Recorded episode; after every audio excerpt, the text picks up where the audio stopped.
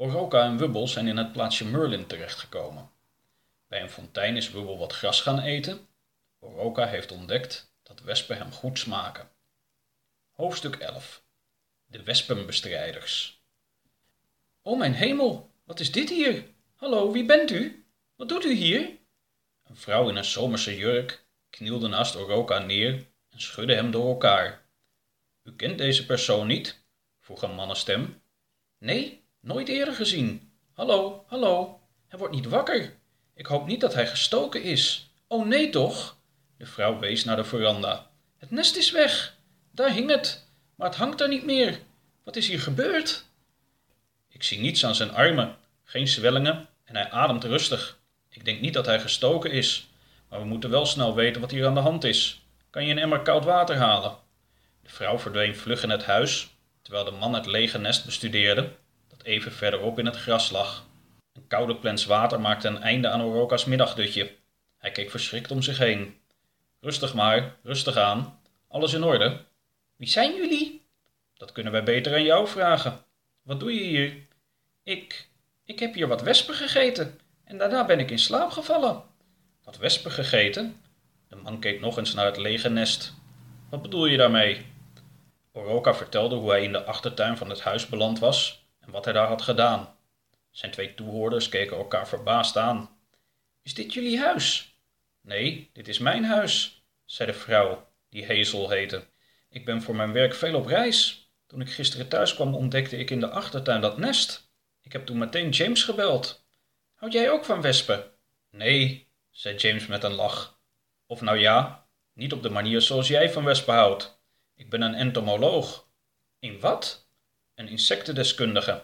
Ik houd mij bezig met de bestrijding van insectenplagen. Dit jaar hebben we in Alabama opvallend veel last van grote wespennesten. Waarschijnlijk omdat we een milde winter achter de rug hebben en veel wespen hebben weten te overleven. Het verwijderen van die nesten kan lastig zijn en voor iemand met weinig kennis van zaken zelfs levensgevaarlijk. Maar voor jou geldt dat blijkbaar niet. Jij eet ze gewoon op. Nou, dan zal ik je maar bedanken, zei Hazel, die in Oroka's aanwezigheid in haar tuin geen verzwegen, duistere bedoelingen kon ontdekken en die net als James niet twijfelde aan de gegeven verklaring, hoe merkwaardig ze die ook vond. Oroka stak de straat weer over en liep terug naar de fontein toen hij achter zich hoorde roepen: Hé, hey, wacht even. Het was James. Ik weet niet wat je plannen zijn, maar ik bedenk me net dat we zo iemand als jij eigenlijk wel goed kunnen gebruiken. Zoek je nog werk? Ik bied je, laten we zeggen, vooruit. 15 dollar per nest. Dan heb ik het over nesten zo groot als bij Hazel. Voor echt grote nesten het dubbele. 30 dollar. Nou, wat zeg je ervan? Nou, ik wil voor 15 dollar best nog zo'n nest van je kopen, zei Oroka, die het voorstel niet helemaal goed had begrepen.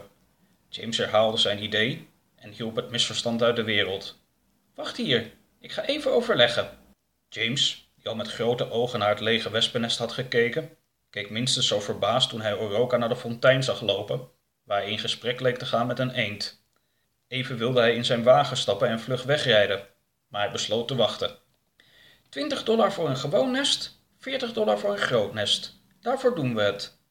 James keek naar de eend die bij de fontein was blijven staan en hem vastberaden aankeek. Dan doen we het daarvoor, zei hij, en hij schudde een nieuwe wespenbestrijder de hand.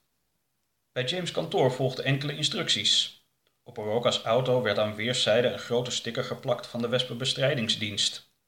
Ook kregen hij en Wubbel beide een shirt met daarop eveneens het dienstlogo. Tot slot zette James een aantal flessen en spuitbussen met bestrijdingsmiddelen in de laadbak. Die middag werden, na wat omrijdtoestanden, de eerste twee adressen bezocht. In beide gevallen betrof het een nest in de achtertuin. Het eerste zat half verscholen onder het afdak van een schuur.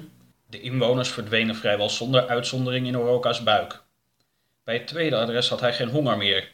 Terwijl de bewoners van het huis naar binnen vluchtten, trok hij het nest los van de boom waaraan het vastzat en kieperde het gevaarte, inclusief al zijn razende wespen, in de laadbak van zijn auto. Hij zwaaide naar de bewoners, die van achter een raam wat aarzelend terugzwaaiden, en reed weg met naast zich een van angst verstijfde wubbel. Een eindje verderop gooide hij het nest in een grote vijver. De dagen die volgden ontwikkelden de nieuwe wespenbestrijders nieuwe routines. Wubbel bleek goed in het invoeren van adressen in het navigatiesysteem en hield telkens goed zicht op de route. Oroka trok niet langer complete nesten los van bomen en andere schuilplaatsen, maar leerde bestrijdingsmiddelen gebruiken wanneer hij geen zin meer had om wespen te eten, zodat niemand meer hoefde weg te vluchten. De eerste nachten sliepen ze in de auto, daarna in het huis van Jane, een vriendelijk oud vrouwtje dat op taart had getrakteerd nadat ze was verlost van een flink wespennest op haar zolder. Ze konden in het tuinhuis verblijven, zolang ze wilden. Hier naar rechts, zei Wubbel. Oroka draaide een onverhard weggetje op dat leidde naar een huis in een open veld. De bewoner, een man met een strooien hoed en een baard, nam hem mee het veld in, tot achter twee kastanjebomen. Hier is het. De man wees naar een oude, verroeste auto. Oroka keek door een van de raampjes naar binnen en zag dat het voertuig volledig door wespen was overgenomen. Hier was sprake van een nest dat stukken groter was dan hij eerder had gezien. Geef maar een seintje als je klaar bent, of als je wat nodig hebt. De man liep op zijn gemak terug naar het huis. Terwijl Oroka spuitbussen en flessen vol bestrijdingsmiddelen uit verroeste voertuig sjouwde en hij nadacht over wat hij zou gaan doen, kwam door het veld een jongetje aangerend. Mijn naam is Dave en ik mag van papa kijken. Is die eend van jou? Die hoort bij mij, ja. Oroka spoot een wolk gif de auto in.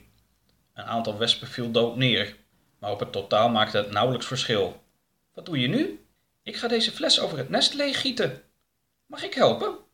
Ja hoor, pak ook maar een fles. Dave werd gestoken door een wesp, begon te huilen, maar droogde al snel zijn tranen. Zes flessen bestrijdingsmiddelen werden via de ramen over het nest geleegd. En nu? Nu wachten we even. Na een paar minuten begon de groene bestrijdingsvloeistof langs de onderkant van de autodeuren in het gras te druppelen. Dave kneep zijn neus dicht. Ik vind het stinken. Met vloeistof besmeurde wespen kropen de auto uit. Sommige vlogen weg. Moeten ze niet doodgaan? Ja, dat is wel de bedoeling, ja. Volgens mij leven de meesten nog. Maar wacht, ik weet iets. Met een ondeugend gezicht haalde de kleine Dave een doosje lucifers uit zijn broekzak tevoorschijn. Geef maar hier, zei Oroka die zich zorgen begon te maken over de grote hoeveelheden wespen die uit de auto probeerden te kruipen. Even een stapje naar achter allemaal. Het volgende moment schoot een felle steekvlam meters hoog de lucht in. Dat geen van de wespenbestrijders door het vuur gegrepen werd, was een klein wonder. Dat het die ochtend en de dagen voordien flink geregend had, waardoor het gras geen vlam vatte, was een groot geluk. Dave's vader, die op de rook en de brandlucht afkwam, sprak bij het zien van de brandende auto over een knap staaltje van gecontroleerd laten uitbranden en vroeg of dit een gangbare methode was bij dit soort nesten. Indien nodig, was het antwoord dat hij kreeg. De auto en het nest brandden volledig uit. Dave beleefde de spannendste middag van zijn nog korte leven en ging vol trots met Oroka en Wubbel op de foto. Aan het einde van de dag kregen de wespenbestrijders een telefoontje van James. Ik krijg veel positieve reacties op jullie bestrijdingskunsten. Bevalt het werk nog? Heel goed. Mooi. Ik bel je namelijk over een speciaal geval.